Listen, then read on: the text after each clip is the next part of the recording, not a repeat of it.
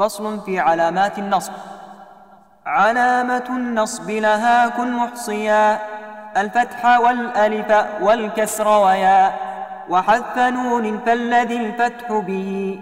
علامة يا ذنها لنصبه. مكسر الجموع ثم المفرد. ثم المضارع الذي كتسعد. بالألف الخمسة نصبها التزم وانصب بكسر الجمع تأنيث سلم. واعلم بأن الجمع والمثنى نصبهما بالياء حيث عنا. والخمسة الأفعال نصبها ثبت بحذف نونها إذا ما نصبت.